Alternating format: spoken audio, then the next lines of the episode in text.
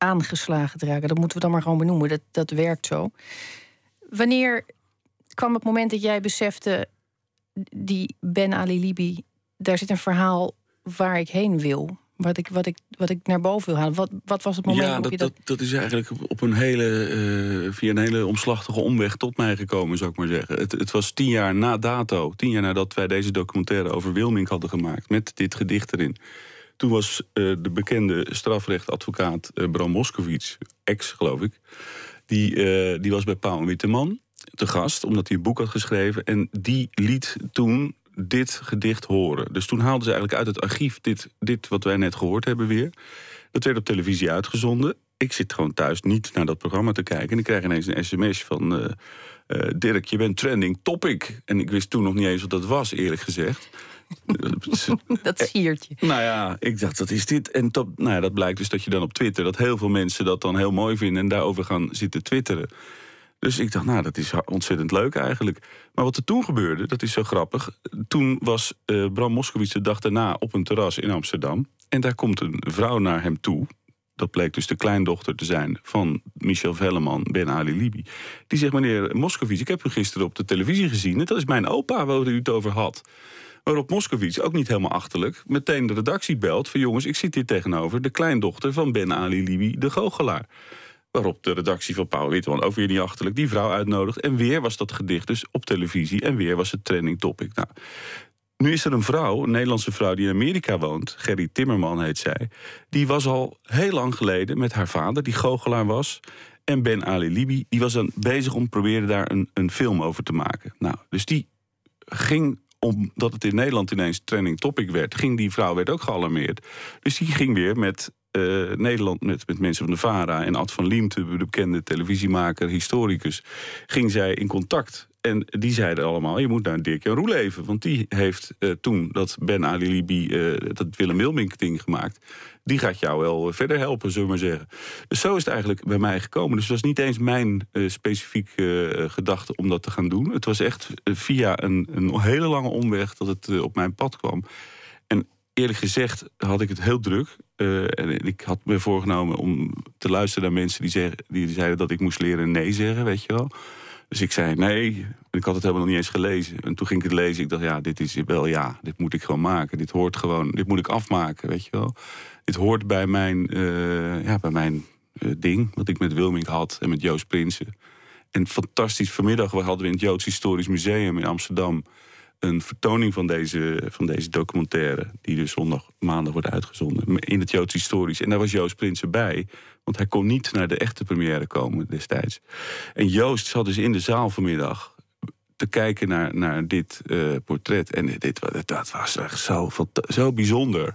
Dat, ja, nou ja, het klinkt een beetje uh, soft misschien, maar het was na afloop echt heel emotioneel. Joost en ik samen. We waren gewoon helemaal aangedaan door, uh, ja, eigenlijk door Wil, ook heel erg door Willem Wilming trouwens. Want dat voel ik ook heel sterk bij het maken van dit programma. Dus echt, echt heel erg, ik, hele diepe band met Wilming. Maar ook door, uh, ja, doordat wij nu gewoon dat gedicht wat, we, wat hij toen heeft uitgesproken, dat is nu gewoon, we weten nu wie Ben Ali Libi, wie dat is geweest. En uh, wat hem is overkomen. Wat was het voor man? Ja, het, was, het, het, het, het, verhaal is zo schrijnend. Dat, dat is echt zo erg. Hij, hij, nou, wat Suzanne Hendricks, de, de, researcher, die heeft echt een soort boek gemaakt. wat ik gewoon moest uitvoeren. Zo, zo, uh, zo fantastisch was de research gedaan. Maar die had dus ontdekt in het stadsarchief in Amsterdam. Dat, uh, dat het gezin waar hij uitkwam. Hij was geboren in Groningen, 1895. In een gezin van zes kinderen. En dat gezin is toen naar Amsterdam verhuisd. En dat kwam echt in de armste van de armste, eh, totaal verpauperd eh, gezin uh, was dat. En daar kwamen we dus achter, doordat bij de, de uh, stadsarchief een, een, heel dik dossier over dit gezin bestaat. Met alleen maar ellende en armoede. En er waren geen ziekte. matrassen. Precies, er waren ja. geen bedden, er waren geen matrassen. Ze sliepen onder lompen. Het was echt zware armoede. Zoals heel veel Joodse mensen in die tijd echt, echt in de sloppenwijken van Amsterdam woonden. En um, deze man, deze Ben Ali, deze Michel Velleman, heeft zijn vader verloren toen hij 15 was. Ik bedoel, dat kwam er ook nog eens bij. Maar die had dus blijkbaar wel een gave van het woord en van het, uh, van het goochelen. En die heeft zich dus letterlijk uit de shit gegoocheld. En dat vind ik zo aangrijpend aan die, aan die film. En eigenlijk aan de, aan de Holocaust natuurlijk sowieso. Is dat die man, die, die, die was op het laatst van zijn leven, woonde die dus op het Merwedeplein. Bij Anne Frank om de hoek, tien huizen verderop. Dat was een hele goede buurt. Weet je. Daar, daar, hij had telefoon. Hij reisde door Nederland en deed overal zijn ding. Hij was nooit thuis. Niemand heeft zich kapot gewerkt. Twee kinderen en een vrouw. En ook dat is niet. Uh, ja, ik bedoel, ook dat is. Dan krijg je die, die, die, die oorlog over je, op je nek. Dus ja, wat was het voor man? Het was, uh, voor zover ik dat heb kunnen achterhalen, een zeer. En dat zie je op de foto's ook. Hij heeft hele zachte gelaatstrekken. Het was voor mij een ontzettend charmante man. Dat, dat duidelijk, want anders kun je geen goochelaar zijn. Het was een lange man. Het was een, hele knappe man. En het is jammer dat ik zijn stem nooit heb kunnen horen trouwens. Dat, dat hebben we niet kunnen terugvinden. Wel bewegende beelden, dat heel bijzonder is. Dus je ziet hem echt goochelen. Dus onvoorstelbaar. In Breda op het dak van de Vroom en Dreesman daar. Ja, dat was een hele, ja, wat ik zo uit de, uit de verhalen die mensen die hem hebben meegemaakt. Uh, ja, een hele aimabele man, een, een, een, lieve, mooie man. En, en niet kunnen um, ontsnappen aan het lot. Dat wordt in de film uh, schrijnend duidelijk gemaakt, onder andere. Ja.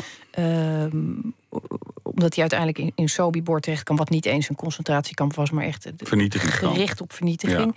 Ja. Uh, overlevingskans minder dan 0,1 procent, ja. iets dergelijks. Eh, schrikbarende uh, getuigenis van uh, Jules Schelvis, die mm -hmm. in, de, in de film ja. uitlegt um, hoe dat kamp eruit ziet. Daar hebben we ook een fragment van. Het is een beklemmend relaas. Op die ontkleidingsplaats stond een SS-man. En die keek de jonge mannen snel even aan hoe ze, welke condities ze nog hadden. En het bleek dus dat hij 80 mannen had uitgekozen. Mij had hij niet uitgekozen. Toen heb ik mijn hand opgestoken en ik vroeg in het beste Duits of ik hem een vraag mocht stellen. En toen vroeg ik, uh, mag ik bij die groep komen? En toen vroeg hij, uh, wie oud bist du? En ik zei toen 22, her officier. Officier, zei ik, want ik kende de rangen van de SS niet. Bij een tweede vraag vroeg hij, spreekt u Duits? En toen dacht ik, wat een kinkel, ik sprak toch Duits met hem? En toen zei ik, jawel, her officier. En toen keek hij me nog één keer aan en toen zei hij... Na los, gay, sofort, snel. En dat was het moment tussen leven en dood. Wat, wat ik hier altijd zo uh, aan, aangrijpend aan vind aan, aan dit soort verhalen... is dat je beseft dat al die mensen die de andere route moesten volgen... dat waren er uh, ongelooflijk veel die worden ook, daar, daar is geen verhaal van. Die worden op dat moment dat ze weglopen, zijn ze hun verhaal al kwijt. Ja. En eh, wat jij in beeld brengt uh, over, over Michel Vellemans leven, dan, mm -hmm. de, je, je, geeft hem in zekere zin zijn verhaal terug en dan ja. stopt het alsnog abrupt. En het rare is dat je als je de film kijkt, hoop je toch, althans ik. Dat hij nog heeft kunnen ontsnappen. Dat, ja. ja. Heb je dat nog even. Ja, hebben onderzocht. Sorry? Heb ja? je die hoop nog even gehad? Ja, nou, die, er waren natuurlijk, kijk, zoals zijn zoon, zoals heel veel mensen na de oorlog natuurlijk, uh, die het wel overleefd hadden, op zoek gingen naar hun uh, familieleden enzovoort. Heel Europa was naar elkaar aan het zoeken, zeg maar. Um, zo was ook de zoon van Michel Velleman, die dus niet was opgepakt tijdens die razzia in 43. Uh, zijn zoon, Sjaak, die, die is gaan zoeken. En die had aanwijzingen dat zijn vader gesignaleerd zou zijn in Chestek Ik zeg het waarschijnlijk niet goed, een, stad in Polen. Uh, daar zijn wij dus heel erg gaan zoeken. Suzanne Hendricks nogmaals. Uh, Hanja, een Poolse, fantastische Poolse tolkzoeker. We hebben echt alles omgekeerd. En je ziet er niks van in de film terug, omdat ik. We, we, kwamen dus tot de conclusie dat het totaal uitgesloten is dat hij uh, een Hollywood-einde zou hebben. De goochelaar die nog zou ontsnappen, weet je wel. Dat, dat is natuurlijk, zou had, Spielberg kan dat wel, wij kunnen dat niet, want wij zoeken de feiten. En die feitelijke zoektocht leidde uiteindelijk tot dat we in dat Chestekova, dus de, de, ook weer het stadsarchief, de, de, de baas daar uh, spraken. En die man die heeft gezegd, er, wa dit, er waren best wel veel goochelaars namelijk in dat stadje vroeger. En ook hele bekende. Hij zegt, die hebben heel veel. Die, die mensen hadden, hielden ook dagboeken bij en agenda's en, en uh, memoires, zeg maar. Hij zegt, ik weet 100% zeker, als deze goochelaar uit Nederland hier was geweest, dan had hij contact gezocht met hun. Ja. Dan hadden zij over hem geschreven. Dan, had ik, dan was dat 100% zeker bekend geworden. De- de- Dat was voor ons eigenlijk de, de belangrijkste eh, ja, eh, uitkomst van, van dat onderzoek. En we hebben het in de film eigenlijk niet gebruikt, omdat ik ook uit de gesprekken met de kleinkinderen van Michel Velleman, die werden eigenlijk de gedachte dat je, de, eigenlijk de gedachte dat je, dat je denkt dat iemand Sobibor zou hebben kunnen overleven, is, is al gewoon aanmatigend, is bijna kwetsend. Snap je wat ik bedoel? Dus dat was ook, ik dacht, we hebben ons huiswerk gedaan, we weten wat er aan de hand is. Het is die man is gewoon net als al die 34.313 andere Nederlandse Joden, gewoon aangekomen, uitgekleed, hemelvaartstrassen af moeten lopen. Eh, Echt zieker kun je het niet bedenken. Een, straat waar mensen naakt 400, 240 meter lang in bochten naar de gaskamer moesten lopen. Naakt, omdat ze eh, anders eh, misschien nog zouden willen ontsnappen. Naakt ontsnap je niet. Dat zat ook nog in die gedachte. Het is zo ziek. Ze kwamen aan. Ze moesten hun spullen afgeven. Met, en er werd gezegd: jullie gaan nu eventjes eh, eh, daarheen. Dan word je gereinigd en dan kom je terug. En dan krijg je je spullen weer. En dan ga je hier in het kamp ga je werken enzovoort. Die mensen hadden misschien nog wel de gedachte dat ze inderdaad nog terug zouden komen en hun spulletjes weer konden ophalen. Ze kregen gewoon een, een bewijs van inleveren, bij wijze van spreken. Zo ziek, zo ziek. Maar goed. Ehm, ik ben nu de draad even kwijt. Jules Schelvis. Jules Ja, heeft, het, heeft die het wel overleefd. En Eh, die, Michel Velleman heeft, eh, is gewoon daar eh, ja, vergast. Ja. En wat ik over Jules nog graag zou willen zeggen... want ik vind het, het, het einde van de, van de film... dan wordt het gedicht nog een keer gelezen... maar dan door Jules Schelvis en Lottie. Lottie hebben wij, dat is een vrouw die Ben Ali Libi, Michel Velleman... heeft zien goochelen vroeger. Die hebben wij via de wereldwijd doorgevonden, notabene, heel fijn. Maar die twee mensen lezen dan het gedicht van Wilmink eh, voor. En wat gebeurt daar? De man, Jules Schelf, is de man die boeken volgeschreven heeft, bibliotheken gelezen heeft, drie maquettes heeft gebouwd van Sobibor, die alles met droge ogen kan vertellen over Sobibor, leest het gedicht van Willem Wilmink en gaat net als Joost Prinsen op die laatste strofe, gaat hij gewoon onderuit. Wat natuurlijk onwaarschijnlijk. Hij had het gedicht nog nooit gelezen. Het, dat zegt alles weer over de klasse van, van, van Willem werk. En het zegt zoveel over hoe je dus met literatuur en poëzie de werkelijkheid kan, eh, kan, kan, kan weergeven. En, en die vreselijke holocaust in 24 regels kan vatten. Dat is echt, dat is zo goed. En, en ja, Jules Schelvis, die, die leest het en nou, je hebt het gezien. Dan, eh, het, is, ook onvoorstelbaar. De cameraman, ik weet niet of je dat opgevallen is... die draait alles heel scherp. Maar op dat moment, eh, Jules breekt eigenlijk. Je ziet hem, hij moet echt een slokje water nemen. Hij, hij is echt ondaan. Maar de cameraman die is volgens mij ook ondaan. Want die, zit, die gaat scherp stellen. Ik denk omdat hij tranen had. Dat hij dus door zijn eigen tranen eh, eh, niet meer scherp naar, naar Jules Schelvis kon kijken. Maar goed, dat, is, dat houdt mij dan ook weer bezig. Nou, het is eigenlijk een mooie eh, eh, gedachte dat je op die manier je eigen on- ontroering per ongeluk vastlegt eh, terwijl je aan het filmen bent. Ja, dat denk ik. Ik heb het nog niet aan hem gevraagd Ik trouwens. kan me niet voorstellen dat je dat met droge ogen filmt. Ik, ik heb er in ieder geval, ik heb echt de hele week geoefend. En ik, ik heb, het is me niet één keer gelukt om de film af te kijken zonder dat het Ja, fout ging. Ik denk ook dat het, want jij zei dat net al, die, die kwaliteit van dat gedicht. Het, zit hem er ook in dat het gedicht van zichzelf niet zwaar is. Er zit zelfs enige spot in. Er zit die lichtheid in die. En ik, als je dat combineert. Nou ja, Mhm. dat, dat gebeurt dan bij, bij Joost Prinsen, dat gebeurt bij eh, Jules Schelvis opnieuw.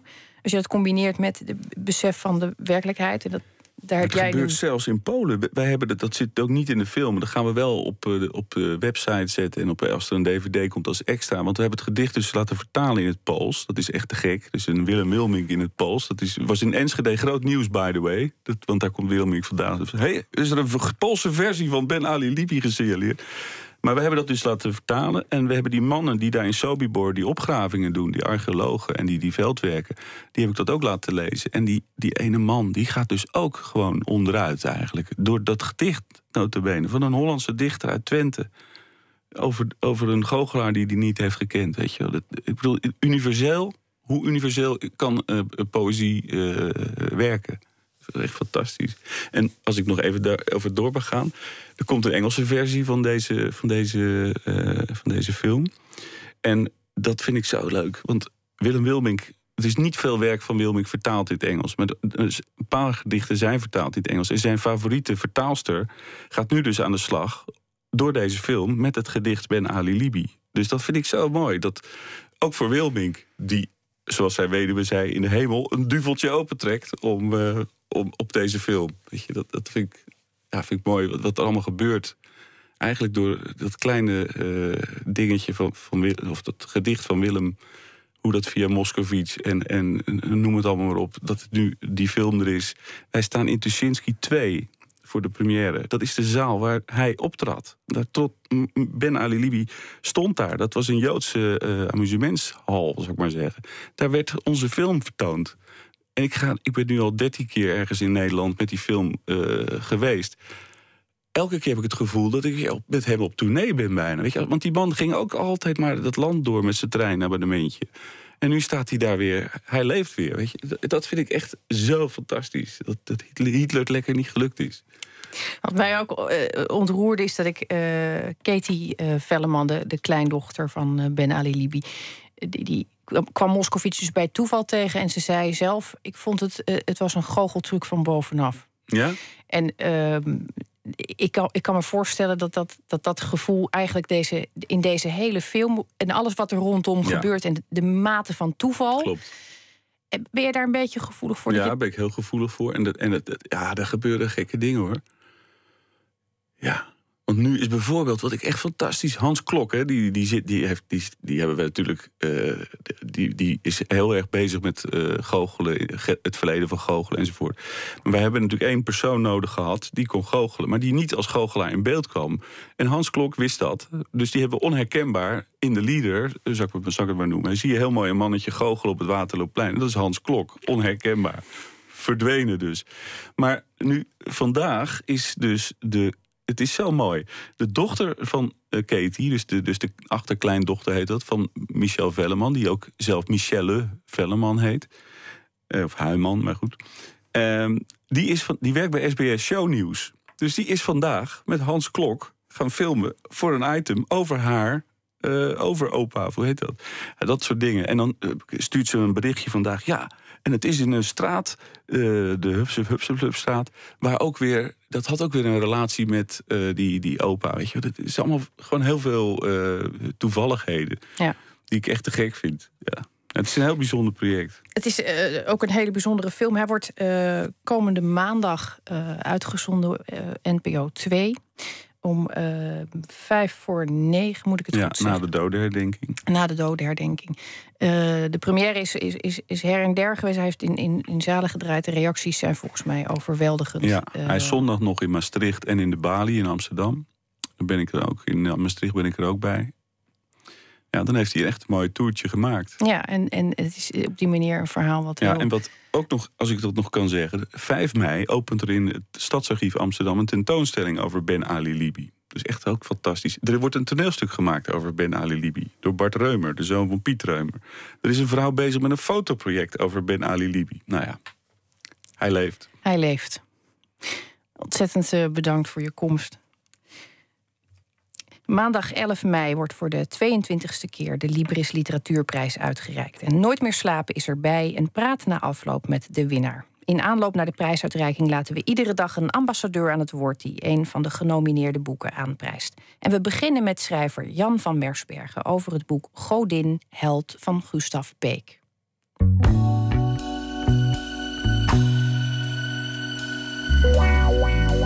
In een van de geparkeerde auto's Onder het raam zat een vrouw achter het stuur. De vrouw had er al gezeten toen ze thuis kwam. Thuis uit de stad met een tas vol boeken en de vrouw hield haar plek nog steeds bezet, nu een half uur later. Ze vroeg zich af of dit een verhaal was, of ze de vrouw moest observeren, haar mysterieuze lethargie moest noteren voor latere verwerking.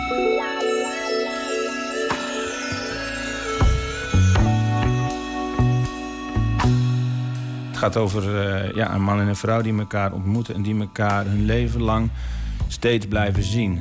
En die vooral onderling een, eh, of, eh, ja, die onderling een, een behoorlijke seksuele spanning eh, hebben.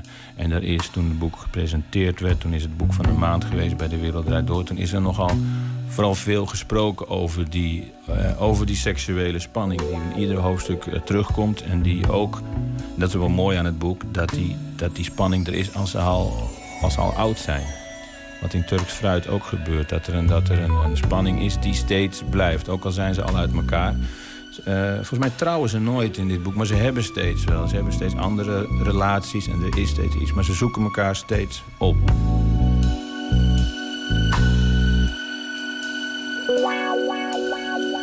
Het wordt terug in de tijd verteld. Daar is nogal wat ophef over geweest. Omdat de scènes uh, beginnen wanneer ze al oud zijn en eindigen wanneer ze dus zeg maar de eerste ontmoeting hebben. Maar die scènes die worden natuurlijk niet terug in de tijd verteld. Die scènes die lopen gewoon chronologisch van een beginpunt tot een eindpunt.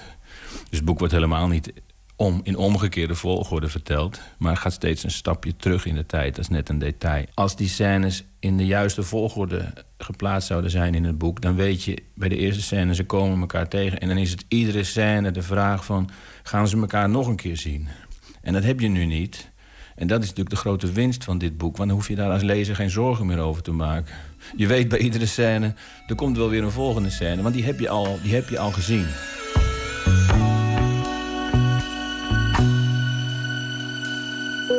Ik lees natuurlijk eh, heel veel. Ik, ik, probeer alles te lezen wat er uitkomt. Maar soms haak ik na drie of vier bladzijden al af in een boek.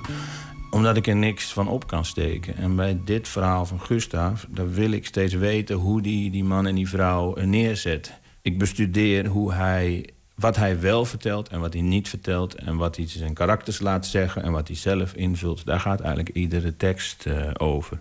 En er zijn heel veel boeken, daar kun je helemaal niks van leren. Want er wordt of alles voorgekoud, of je weet alles al... En, en of er, er, zit een soort opgeklopte spanning in van iets wat je nog niet weet.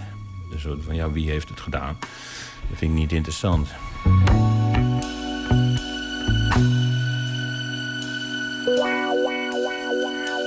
Ik denk niet dat Gustav gaat winnen. Libris is natuurlijk ook een prijs waar... Uh, het is een, een, prijs van de boekhandel. Het is een prijs met bepaalde nieuwswaarden. dus uh, ik, ik heb zo'n beetje een idee over hoe dat werkt.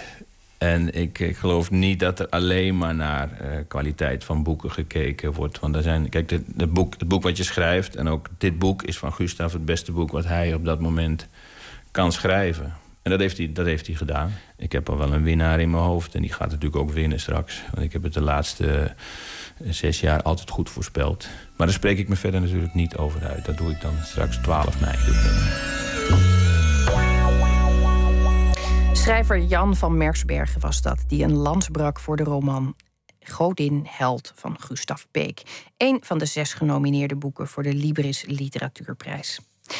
Straks, na het nieuws, gaan we verder met het tweede uur van Nooit meer slapen. Dan praat Atse de Vrieze ons bij over de laatste ontwikkelingen in de popmuziek. En we openen met een kort verhaal van schrijver Gerard van Emmerik.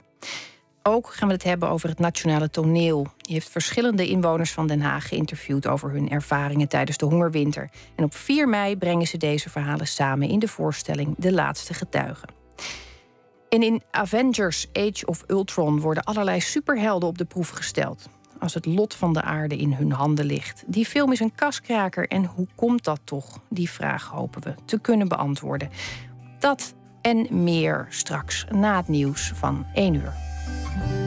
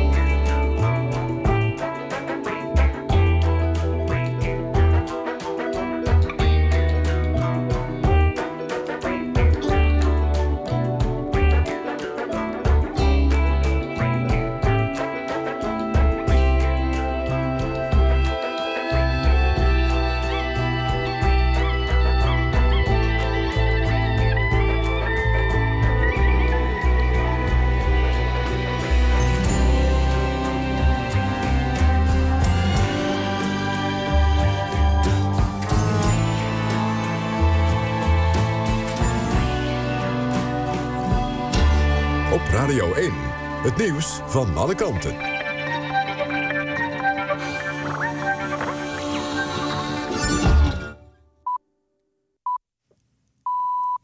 1 uur, Michel Koenen met het NOS-journaal. De actiedag voor Nepal heeft 8,6 miljoen euro binnengehaald. De voorlopige eindstand werd bekendgemaakt in de talkshow van Jeroen Pauw. De hele dag werd er op radio en tv geld ingezameld... voor de slachtoffers van de zware aardbeving in Nepal. Dit keer niet met een tv-show met een belpanel... maar in de hallen in Amsterdam zaten wel bekende Nederlanders... die via sociale media opriepen om te doneren. De samenwerkende hulporganisaties hopen dat er in totaal... meer dan 10 miljoen euro wordt opgehaald. In het westen van Mexico hebben gewapende mannen een legerhelikopter uit de lucht geschoten. Drie militairen zijn omgekomen, twaalf raakten gewond. De daders zijn waarschijnlijk leden van drugskartel Nieuwe Generatie. In hun staat zijn het leger en de politie bezig met een grote operatie tegen het kartel. Daardoor is het onder meer onrustig in de miljoenenstad Guadalajara. In verschillende landen zijn demonstraties op de Dag van de Arbeid uit de hand gelopen. Over de hele wereld gingen vakbonden en linkse actiegroepen de straat op om aandacht te vragen voor de rechten van arbeiders. In Istanbul was het onrustig in de buurt van het Taksimplein. Daar raakten demonstranten slaags met de politie. Ook in Athene en in Milaan waren er botsingen. In andere Europese steden verliepen de 1 mei-betogingen grotendeels vreedzaam. Minister Schippers neemt nog voor de eerste Europese Spelen in Baku op 28 juni een beslissing over een Nederlandse organisatie van het evenement. Afgelopen dinsdag werden de sportbonden het eens over een Nederlandse kandidaatstelling voor de Spelen in 2019. Maar Schippers zit nog met vragen, onder meer over de financiering van het evenement.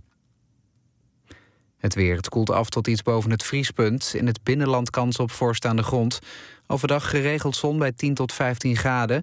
Zondag wordt het iets minder, dan trekt er regen over het land... en wordt het 13 tot 17 graden. Dit was het NOS Journaal. NPO Radio 1. VPRO. Nooit meer slapen.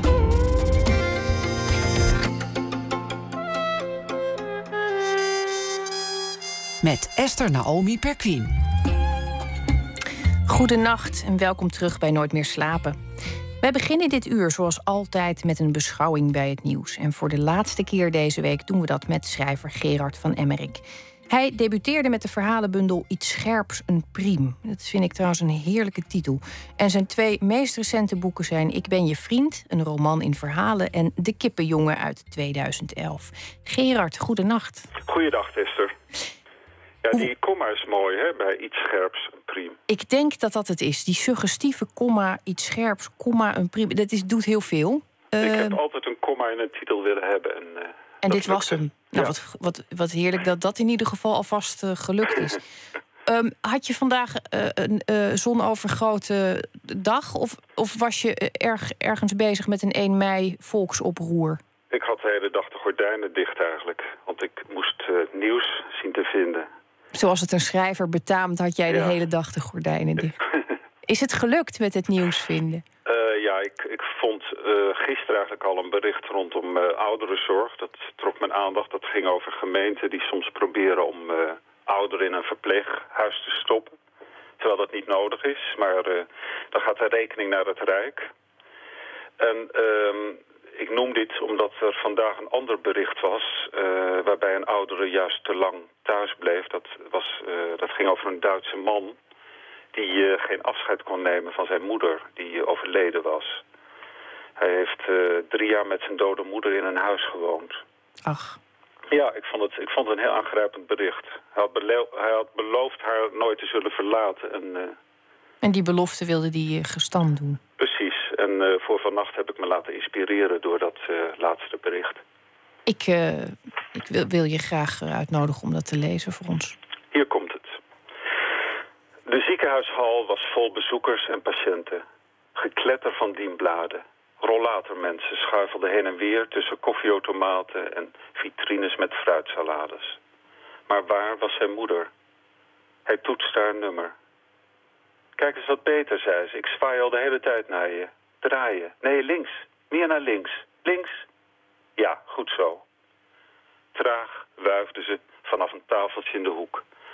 Ze leek een bejaarde, ondanks de spijkerbroek en het helgele t-shirt. Hij zoende haar kin. Ze rook naar medicijnen en nog iets van vroeger uit de badkamer, talkpoeder. In die paar dagen leek ze te zijn gekrompen. Op haar hand zat een pleister. Schrik je van me, zei ze. Nee, zei hij. Hoezo? Nou, ik ben nog wat meer kilootjes kwijt. Valt niet op, zei hij. Hij staarde naar haar te grote, te witte sportschoenen. Lukt het thuis in je eentje, zei ze. Zit je niet te veel binnen? Alles lukt, zei hij. Even uitrusten, zei ze, en dan gaan we naar mijn nieuwe paleisje. Ik heb vandaag een iets mindere dag. Haal jij intussen wat voor jezelf te drinken? Nadat hij zijn cappuccino op had, nam ze mee een gang door. Hij bleef glimlachen, ondanks haar trage tempo. Ze hield halt bij een deur met 8p. Nou, zei ze, hier dus. Haar paleisje. Een kamer met inbouwkeuken. In de hoek een ziekenhuisbed. Weinig meubilair verder. Bij het raam een stoel met knoppen en hendels. Geen dingen van thuis. Behalve de magneetfoto op de koelkast. Hij zelf als kleuter. Neem jij dat krukje? Ze liet zich in de fauteuil zakken en begon iets te vertellen over de specialist, wat hij gezegd had, maar hij luisterde amper. Hij keek naar buiten. Een ommuurde tuin, bloeiende tulpen, allerlei mooie kleuren. Eindelijk was ze klaar met het verhaal van die specialist. Ze zweeg. En hij ook. Ja, zei ze. En ze drukte op een knop. Haar stoel bewoog. Hij heeft zo'n sta-op-functie. Heel handig. Ze excuseerde zich en schuifelde naar het halletje. Toen hij het klaterende geluid van haar plas hoorde, zette hij de tv aan. Reclame voor koolhydraatarme pasta vulde de kamer. Beelden van een Italiaanse familie aan tafel. Blije moeder, blije zoon. Wil ik ook, dacht hij. Toen de wc werd doorgetrokken, drukte hij het beeld weg. Ze knikte naar de afstandsbediener in zijn hand. Alles moet je hier huren. Niet alleen die tv, ook de koelkast, het bed. Maar die stoel is gratis. Nou, vertel jij nog eens wat. Hij begon over het straatfeest, eind mei. Lijkt me leuk, zei ze. Ik weet alleen niet of het nog lukt om erbij te zijn. Dat begrijp je, hè? Er brandde iets achter zijn ogen, maar hij glimlachte.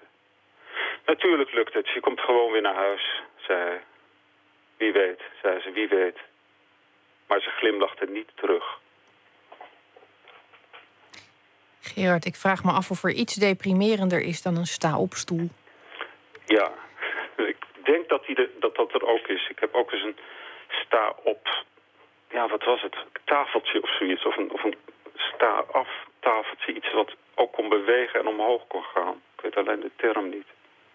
Maar goed, sta-op stoel is ook vreselijk, ja. Ja, en het, het, iets anders wat het beeld bij mij uh, oproept, is dat, dat, ik dan weer denk: waarom zijn die kamers altijd zo en die gangen altijd? Waarom, waarom moet zo'n tehuis er altijd uitzien als, uh, als, als een tehuis, als een laatste plek waar je weggemoffeld wordt? Ja, ja. Nou ja, gelukkig waren de bloeiende tulpen buiten. Ja, nou, dat helpt inderdaad wel enorm. En cappuccino en, in de buurt. de troost van bloeiende tulpen en cappuccino. Ja, dat, dat, dat moet ons uh, dan nog opbeuren aan het einde van deze ja. uh, rit. Ja. Uh, jij heel erg bedankt voor deze week. Ja, graag gedaan. Ik hoop dat je de volgende week je slaap in kunt halen en wij gaan van je nagenieten. Graag. Oké. Okay. Het was verslavend in ieder geval deze week, vond ik. Gelukkig. Nou, dat was ja. je wederzijds. Oké, okay, dank je. Dank je wel. Dag. Dag. Bijna niemand kende singer-songwriter Elliot Smith toen regisseur Gus van Sant hem in 97 vroeg of hij een paar van zijn songs mocht gebruiken voor de soundtrack van de film Good Will Hunting. En die vraag had gevolgen, want uh, plotseling kwam het grote succes en voor Smith was het te veel. In 2003 maakte hij een einde aan zijn leven en hij laat ons onder meer dit nummer Bottle Up and Explode.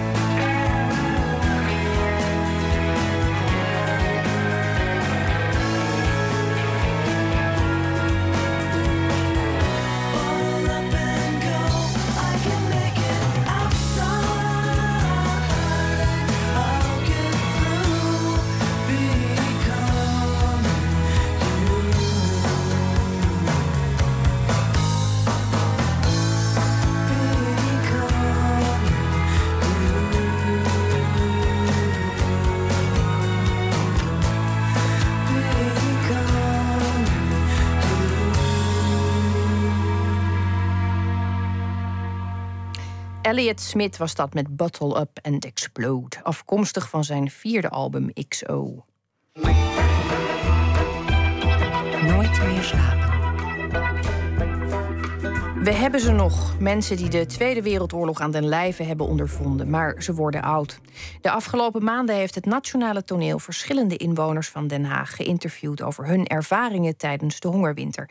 Acteurs brengen hen en hun verhalen over die tijd op 4 mei op het toneel van de Koninklijke Schouwburg, met de inmiddels bejaarde ooggetuigen naast zich op het podium.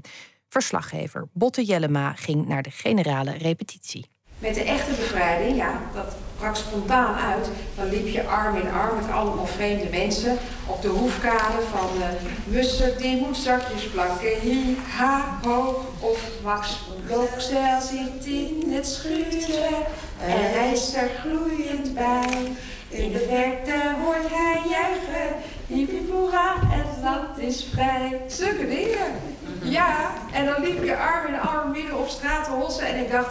Toen was ik 13. En ik dacht, later kan ik trouwen. Ja, ik heb al eens eerder op dat podium gestaan hier. Ja, ja, ja. Als getuige bij een huwelijk hier in de Koninklijke Schouwburg. En nu bent u weer getuige. Ja, als laatste getuige. Ja. Ja, voor haar gelukkig de eerste. bij de trouwerij was dat. Uh, mevrouw Somani Lamers, hoe oud was u toen? Uh, toen de oorlog eindigde was ik 27. Ik ben van 1918. We hebben wel eens gezegd, onze mooiste jaren, zoals mijn zus en ik, die zijn uh, in de oorlog eigenlijk begaan. Hè? Je had allemaal wel een vriendje of ergens iets of zo. En dat was allemaal mis en dat ging allemaal niks meer van. Nee, nee dus nou, je moest nadien maar weer zien hoe je opnieuw ging starten en begon. Ja, het was echt... Die hongerwinter hebben we, denk ik, toch een beetje verdrongen. Om opnieuw te starten en door te gaan met leven. Dan ga ik nu van mijn laatste geld, mijn laatste spaargeld, een brood halen. En daar moest ze 75 gulden voor betalen. Ze zegt tegen mijn vader... Wim, alles is op. We hebben geen cent meer. Zwarte handel.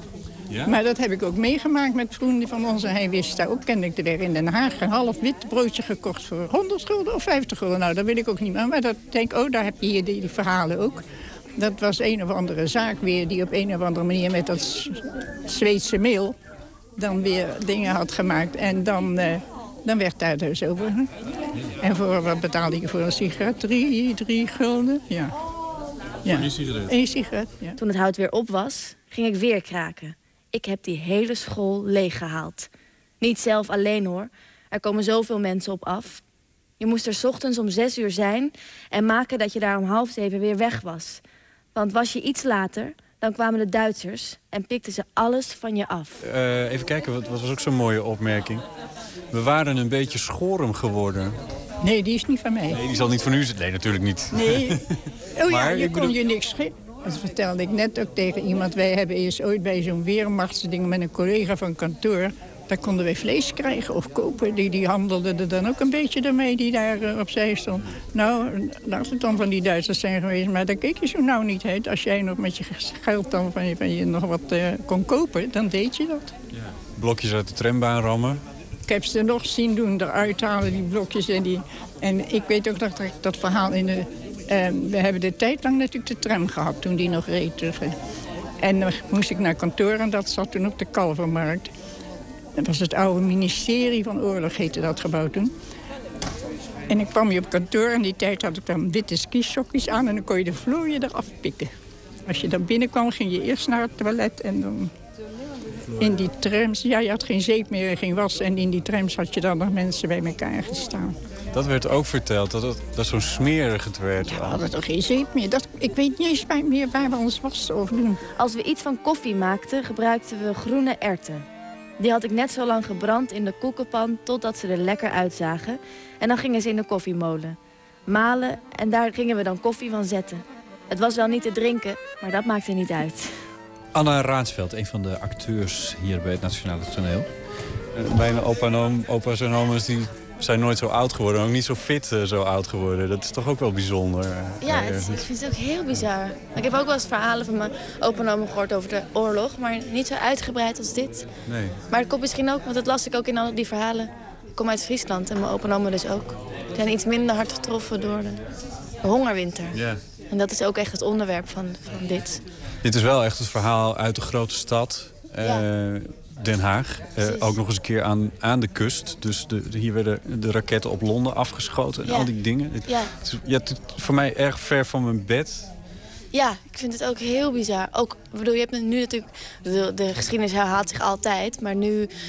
Met al die bootvluchtelingen en, en oorlog, zeg maar alle vluchtelingen die nu naar ons, of naar, ja, naar Europa komen, dan voelt het weer heel dichtbij. En dan tegelijkertijd denk je, ja, maar zo, het is nog niet eens zo heel lang geleden dat dit land in oorlog was. Ja. En er zijn dus gewoon nog mensen die, nee, ze noemen het zelf geen oorlogsslachtoffer, maar die de oorlog hebben meegemaakt. Getuigen. Getuigen, Ja. Ja. precies. Dat is een heel raar besef inderdaad. Ik zit dan daar ja, tussenin. Met, met wie zit je daar? Ik zit met mevrouw Pronk. Fantastisch. Ik was heel erg onder de indruk, ja. Ja, het is echt een hele innemende vrouw en zo vol leven. Heel veel humor. Die laat zich ook helemaal niet betutselen. Het is een hele, hele krachtige vrouw. Nou ja, en dan bedoel, ik geloof dat mevrouw Pronk nu 97 is. Nou ja, dat is gewoon, ik vind het al bizar dat je daarnaast zit. Geboren in 1918. Dus daar zit gewoon nou ja, natuurlijk een heel leven in. En die heeft alles paraat. Ik probeer dan altijd een rekensommetje te maken. 1940 min 18, dat is, eh, dan, dan was dus 22 toen eh, de oorlog eh, uitbrak. Klopt, ja. Ja, en toen had ze al twee kinderen. Dat is een leeftijd die, nog dicht bij jou lijkt te staan, lijkt me zo. Ja, ik ben nu 25, ja. Ja. ja bizar, hè? Kan je, probeer je dat dan ook zo voor te stellen? Van, hoe dat dan... Nou, eerlijk gezegd niet te veel. Want dan, eh, ik vond het nu al heel emotioneel. Ik heb Anders wordt het method acting. Ja, terwijl ik moet, ja, ik moet eigenlijk objectief haar verhaal vertellen. Omdat dat is al zo prachtig van zichzelf. Daar hoef ik, ik, bedoel, ik hoef het ook niet na te spelen of zo. Ik als actrice moet, moet daar niet te veel ruimte in nemen. Het verhaal moet zijn werk doen. En dat doet het ook omdat het zo ontzettend mooi is. Maar ik heb wel al een paar keer echt tranen weg moeten slikken. Het is zo bizar. Het is zo bizar.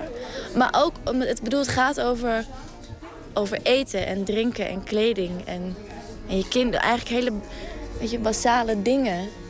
Waar je, waar je nu helemaal niet over nadenkt. Het is heel raar. We hadden dan een lezing gehad over de hongerwinter. En daarna sta je hier aan het buffet. eh, net zo van alles te eten. Dat je denkt, zo bizar. Ja, om die twee dingen bij elkaar te krijgen. Ja, het is een hele andere wereld. Gelukkig. Maar het is heel anders.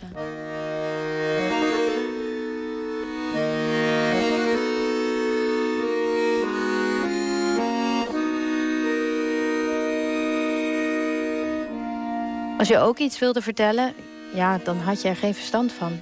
Je was kind. Maar we hebben het meegemaakt. Je hoort de Joodse mensen, de mensen die in het verzet hebben gezeten. Of... Door de beleidschap van de bevrijding ging ons verhaal naar de achtergrond toe. We hebben het nooit echt kwijtgekund. Wa- Wat is uw naam, mevrouw? Dini Polves. En u heeft net op het podium gezeten terwijl naast u het, het verhaal werd verteld Ja. van uzelf. Ja. En nou werd er gezegd, we zijn een beetje... Een, vergeten generatie. Ja.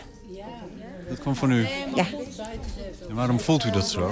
Eh, omdat ik vijf was toen de oorlog uitbrak en tien toen het afgelopen was. Na de oorlog was eigenlijk de generatie van mijn zuster...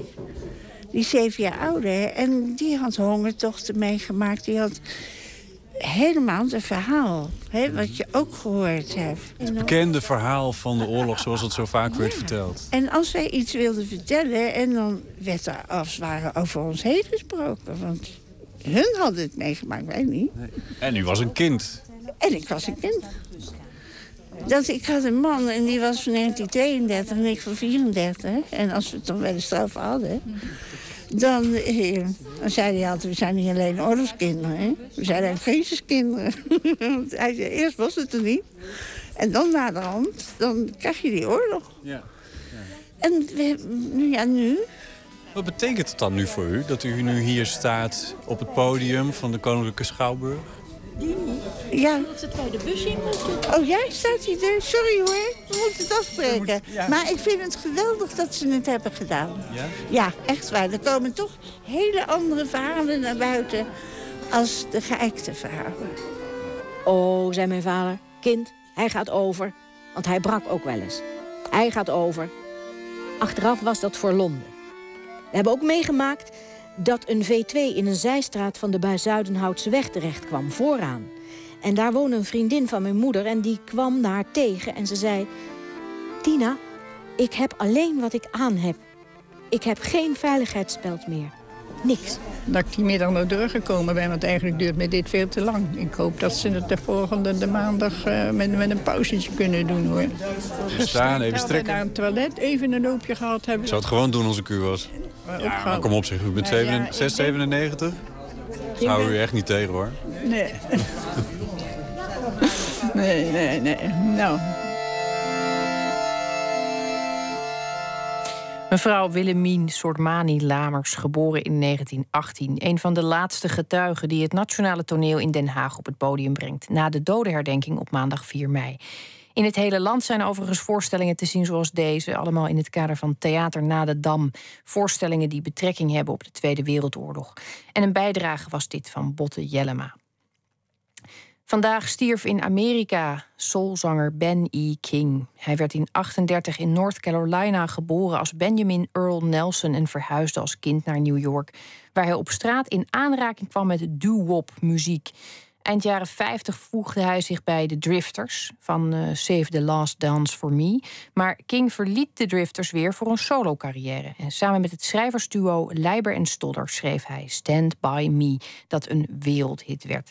Dat was het begin van een succesvolle loopbaan vol pop, soul en funk. En wij kiezen op zijn sterfdag voor een ander nummer uit 1975 van zijn album Supernatural is hier Do It in the Name of Love.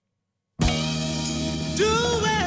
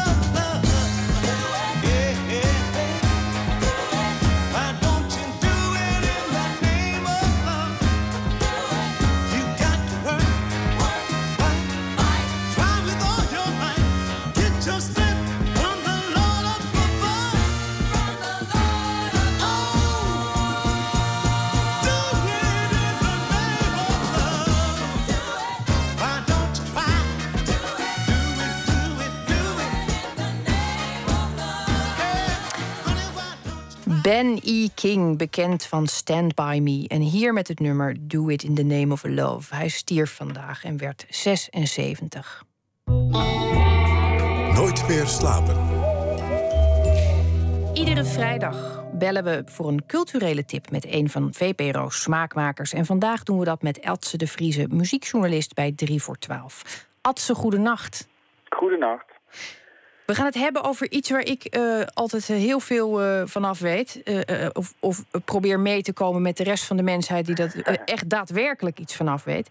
Het gaat over muziekstreamingdiensten. Daar is momenteel veel over te doen. En even voor mensen zoals ik, dat is het beluisteren van muziek via internet zonder dat er bestanden worden gedownload. En dan moeten we denken aan Spotify en Deezer en dat soort streamingdiensten.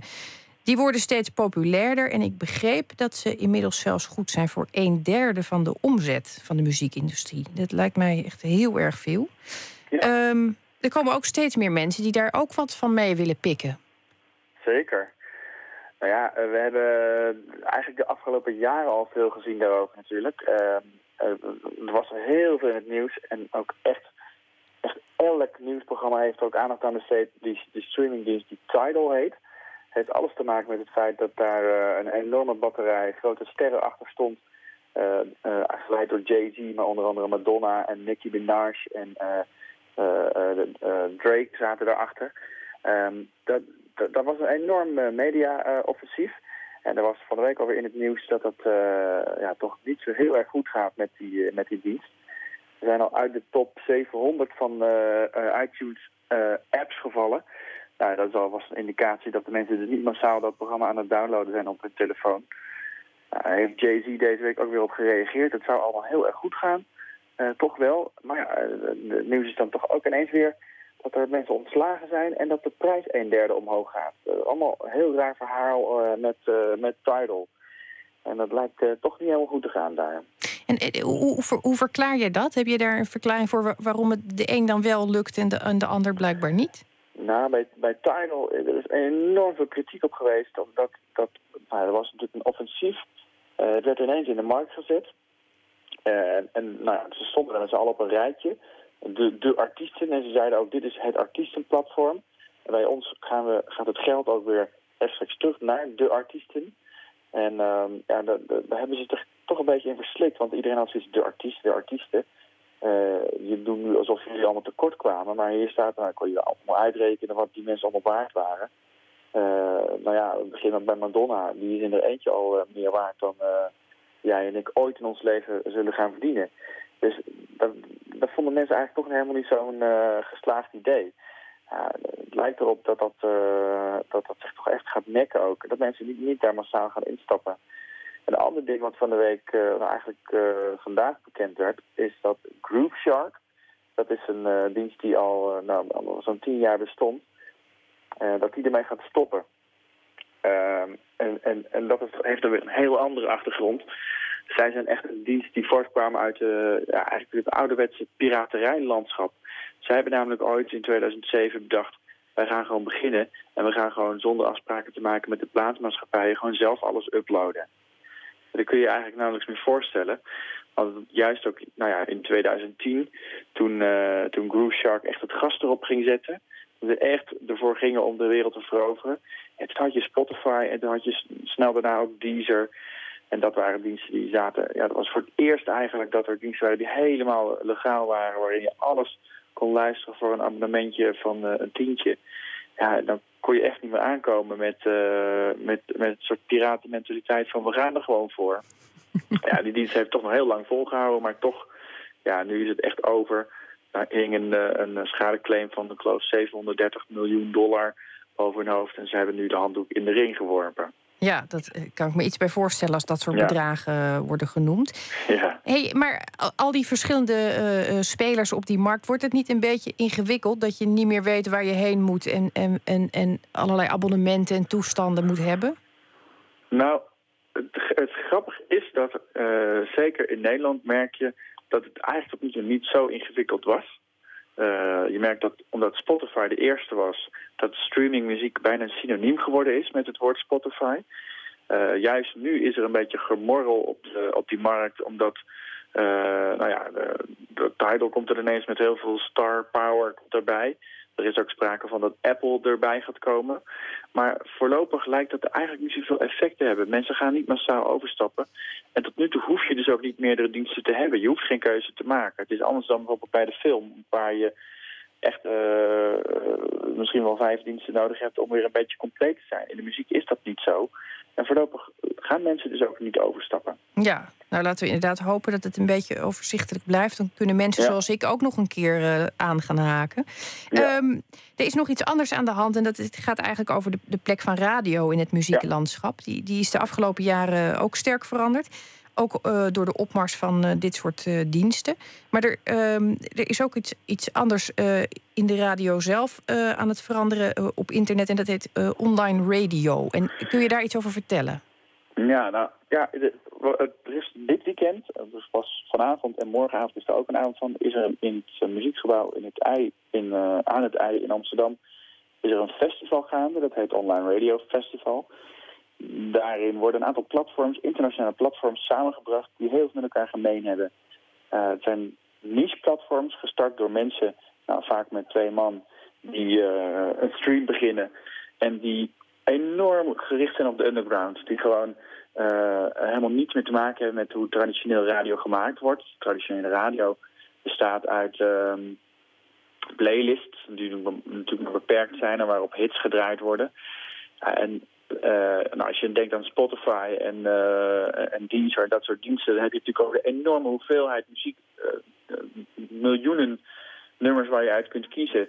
En die diensten, die, die, die online radiodiensten, die bieden een soort van ja, een soort curatie. Mensen die uit een, uit een stad komen en die voorop lopen en die zelf keuzes maken uit dat enorme aanbod. En die doen dat heel lokaal. Die zitten gevestigd in een scene in bijvoorbeeld Amsterdam of in Berlijn of in Londen, toonaangevende muzieksteden. en die gaan vervolgens uitzenden naar de hele wereld. En dat is heel fascinerend om te zien. In al dat soort steden zie je dus hele lokale initiatieven die wereldwijd uitzenden, die een heel klein publiek bereiken. Maar als je dat wereldwijd uitvergroot, is het ineens weer heel erg de moeite waard. En heel interessant, ze hebben nu op dat muziekfestival een aantal van die platforms samengebracht. Boiler Room uit Londen, onder andere Red Light Radio uit Amsterdam, Dublab uit eh, Los Angeles, Amerika. Ja, dat, is heel, dat zijn allemaal hele mooie platforms. Het is in ieder geval eh, interessant om te zien dat die grenzen tussen mondiaal en, eh, lokaal ineens eh, heel erg kunnen vervagen. We hebben nog tijd voor een, nog net tijd voor een fijne tip. Heb je nog een belangwekkende verschijning die we in de gaten moeten houden? Oeh, ja, nou, het, het release seizoen is nog in volle gang. Er komen nu nog een paar hele interessante grote artiesten met, met albums. Eh Mumford Sons bijvoorbeeld is de allergrootste. Maar als ik één tip mag geven voor de komende weken... dan is het het album van FFS, oftewel Frans Ferdinand, de, de Schotten, en, eh, en Sparks. Dat is een mooie combinatie. Het is een band van eh, de generatie nu, zeg maar. Frans Ferdinand debuteerde nou ja, toch alweer tien jaar geleden. En Sparks is een soort van glamrock, synthpop, experimentele band die al vanaf, eh, nou ja, eigenlijk al eind jaren 60, begin jaren 70 bezig is. En die Ja. hebben elkaar gevonden. Nou, ik- Hebben een hele bijzondere plaats gemaakt. Ik denk eh, dat we daar in ieder geval massaal naar uit gaan kijken. Eh Yes. Dank je wel. Alright. En wie meer wil weten over de besproken onderwerpen... kan natuurlijk terecht op 3 voor 12 vpro.nl. Binnenkort verschijnt er ook een nieuw album van de Canadese muzikant Patrick Watson. Love Songs for Robots gaat die heten. En daarvan laten we een nummer horen. Places You Will Go.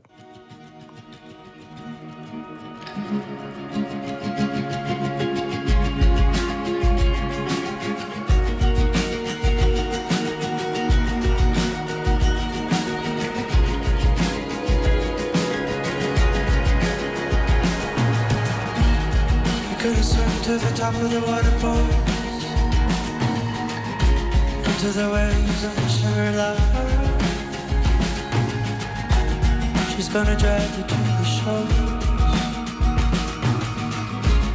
But you don't know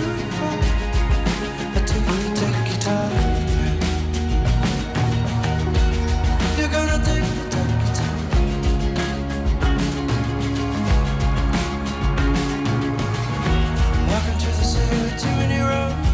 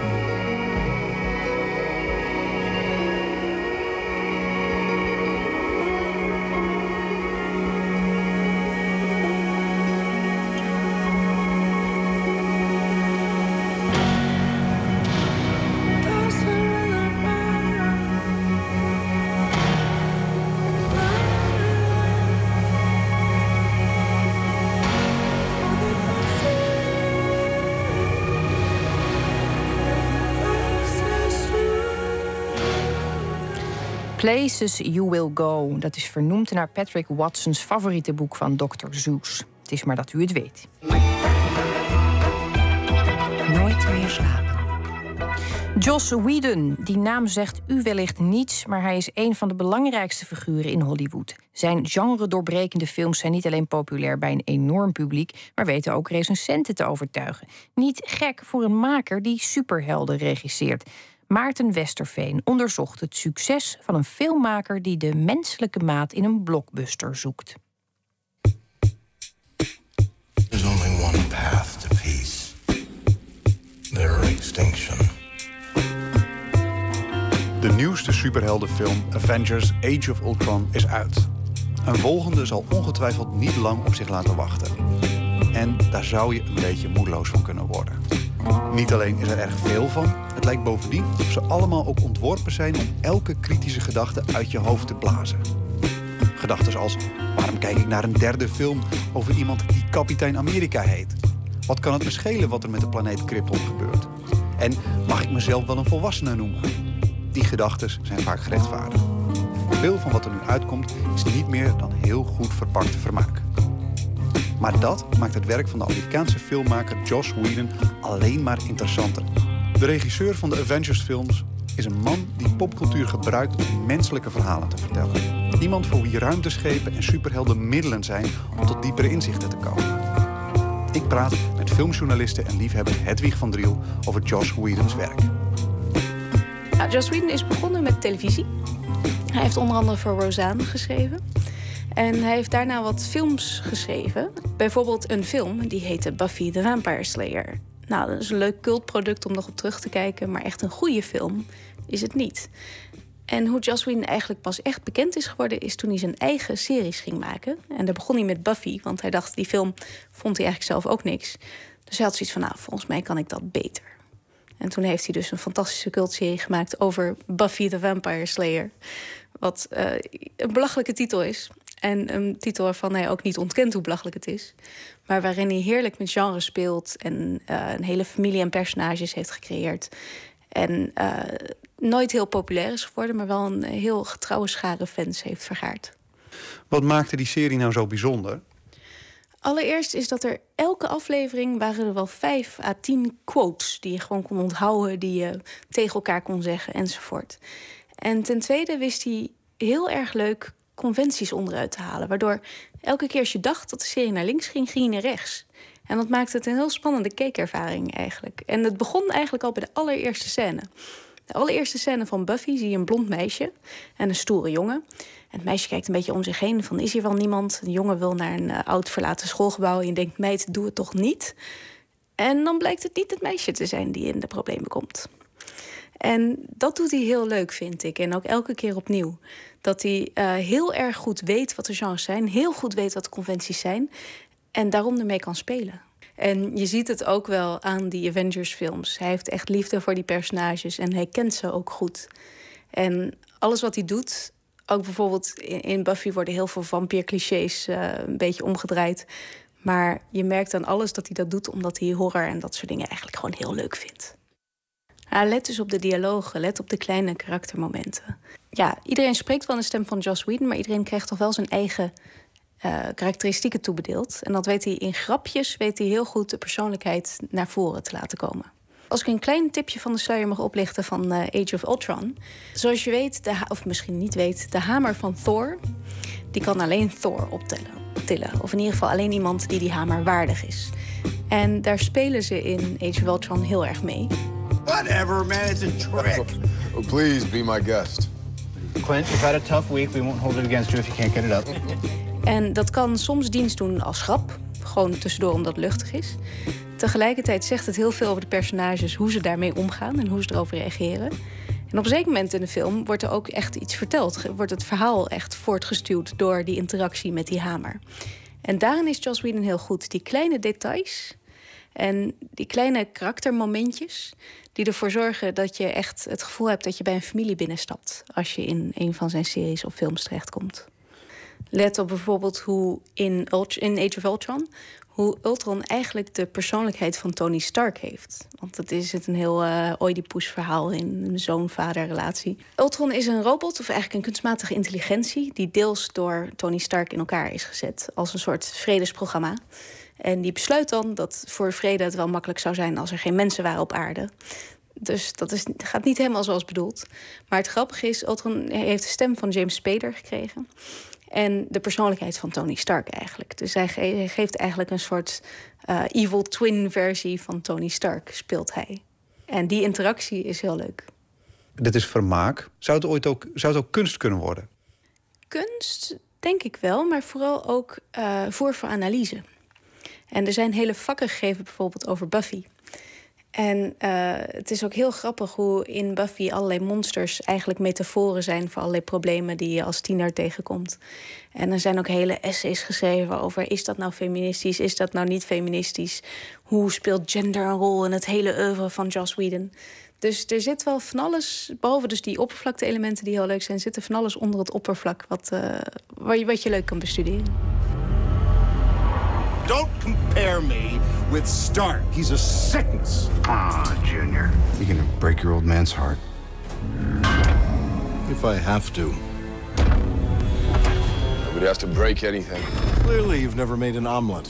You beat me by one second. Whedon is stripboekenfan van het eerste uur. De mogelijkheid om met een groot budget je eigen liefhebberij te verfilmen... zou dus een geschenk uit de hemel moeten zijn. En Whedon noemde het ook zo toen hij aan de klus begon. Maar Avengers heeft Whedon ten diepste uitgeput.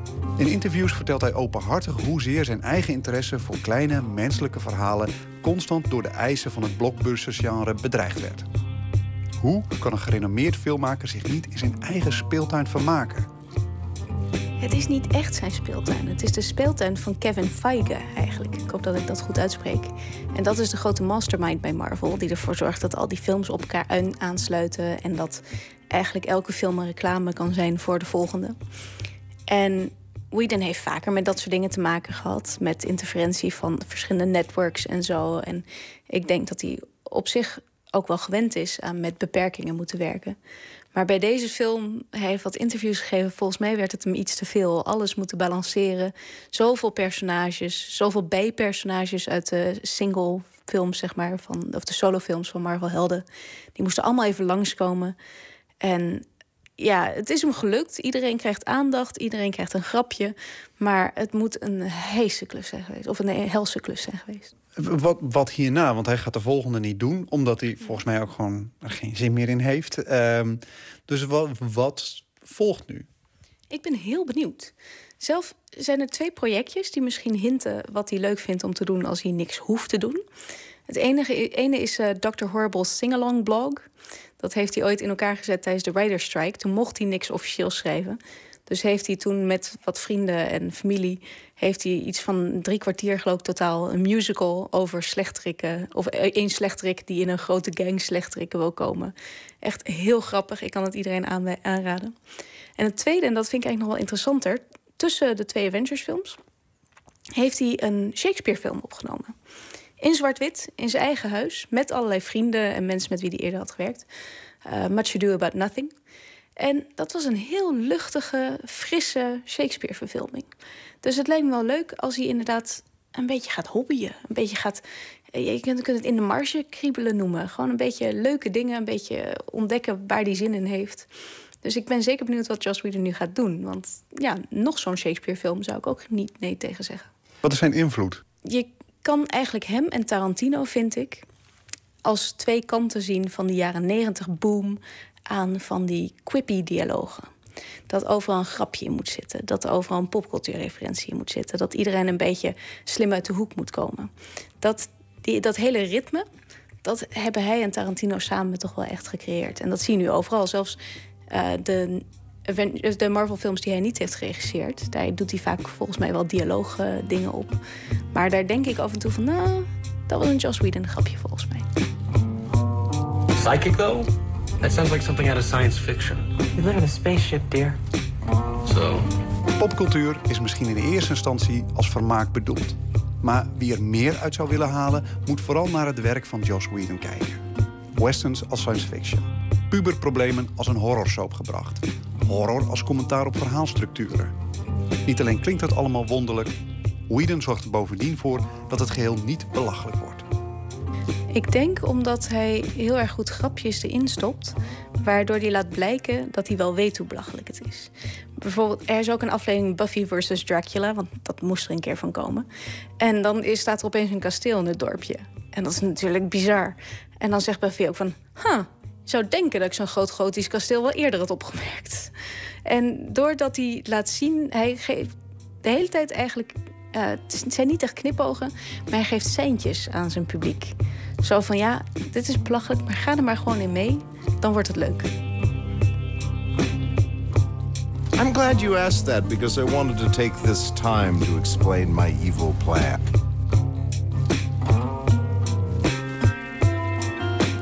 U hoorde journaliste Hedwig van Driel van Magazine Schokkend Nieuws over filmmaker Joss Whedon. Whedons nieuwste film Avengers Age of Ultron draait nu in de bioscoop. Death Cab for Cutie. Ja, ik bedenk het ook niet zelf. Die moeten het tegenwoordig zonder vaste waarde Chris Walla doen, de gitarist en toetsenist van de band. De toon van het nieuwe album Kitsigu is dan ook wat soberder. En van die nieuwe plaat is dit Little Wanderer.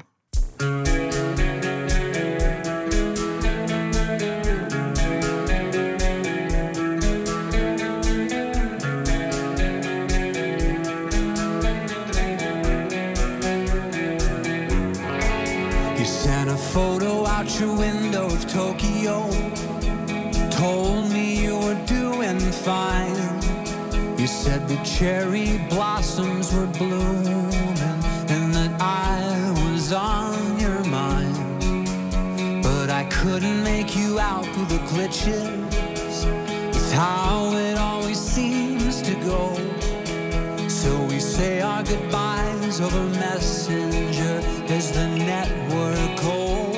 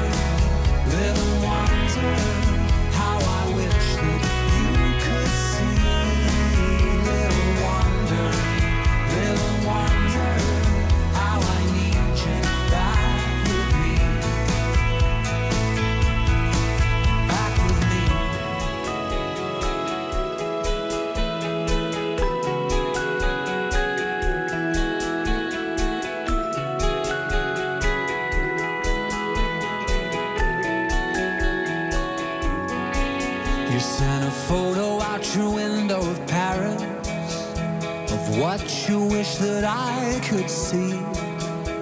But someone's gotta be the lighthouse, and that someone's gotta be me.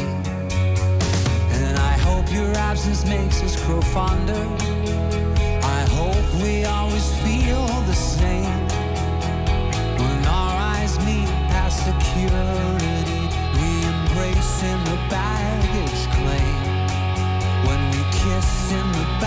It's claim.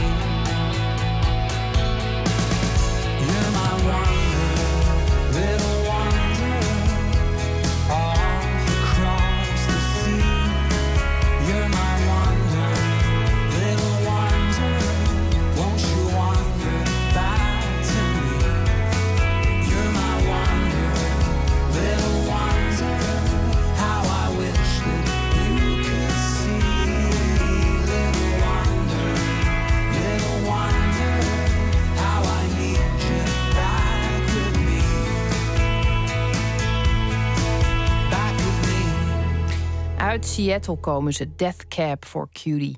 Heerlijke naam is dat. Little Wanderer heet het nummer dat we draaiden. En we sluiten deze week af met een dichter die een favoriet gedicht voordraagt. En deze week is dat de keuze van Merel Morre. Zij is stadsdichter van Eindhoven en vorige maand verscheen haar nieuwe bundel Dons op mijn tanden. Zij sluit de week af met een gedicht van Vazalis, De idioot in het bad.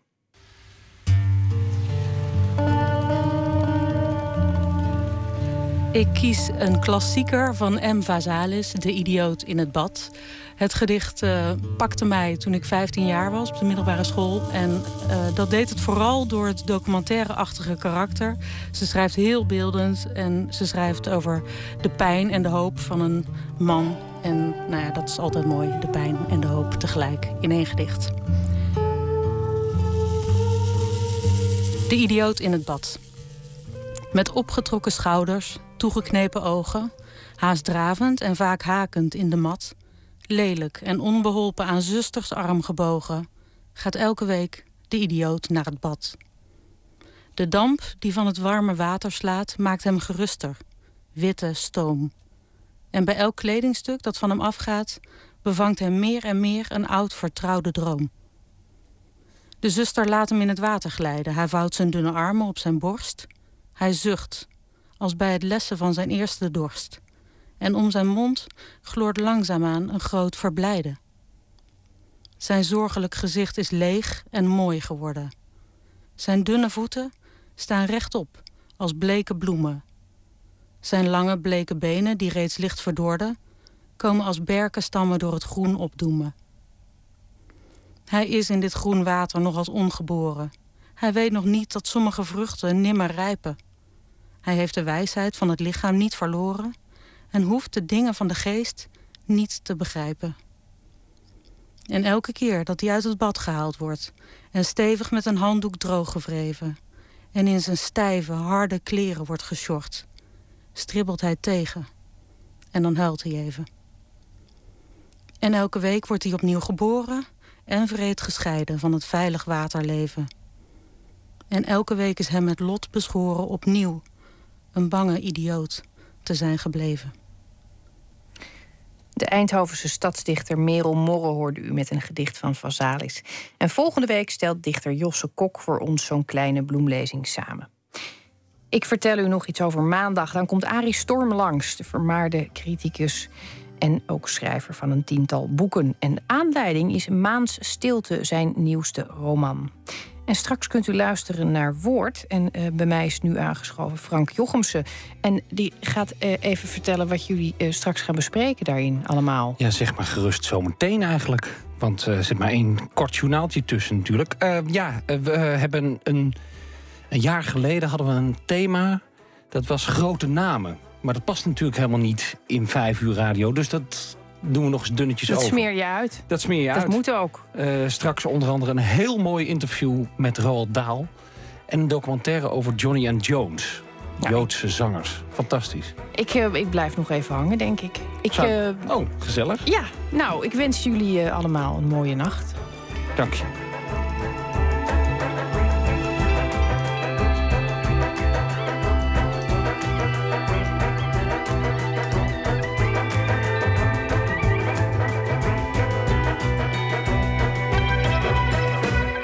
Op Radio 1, het nieuws van alle kanten.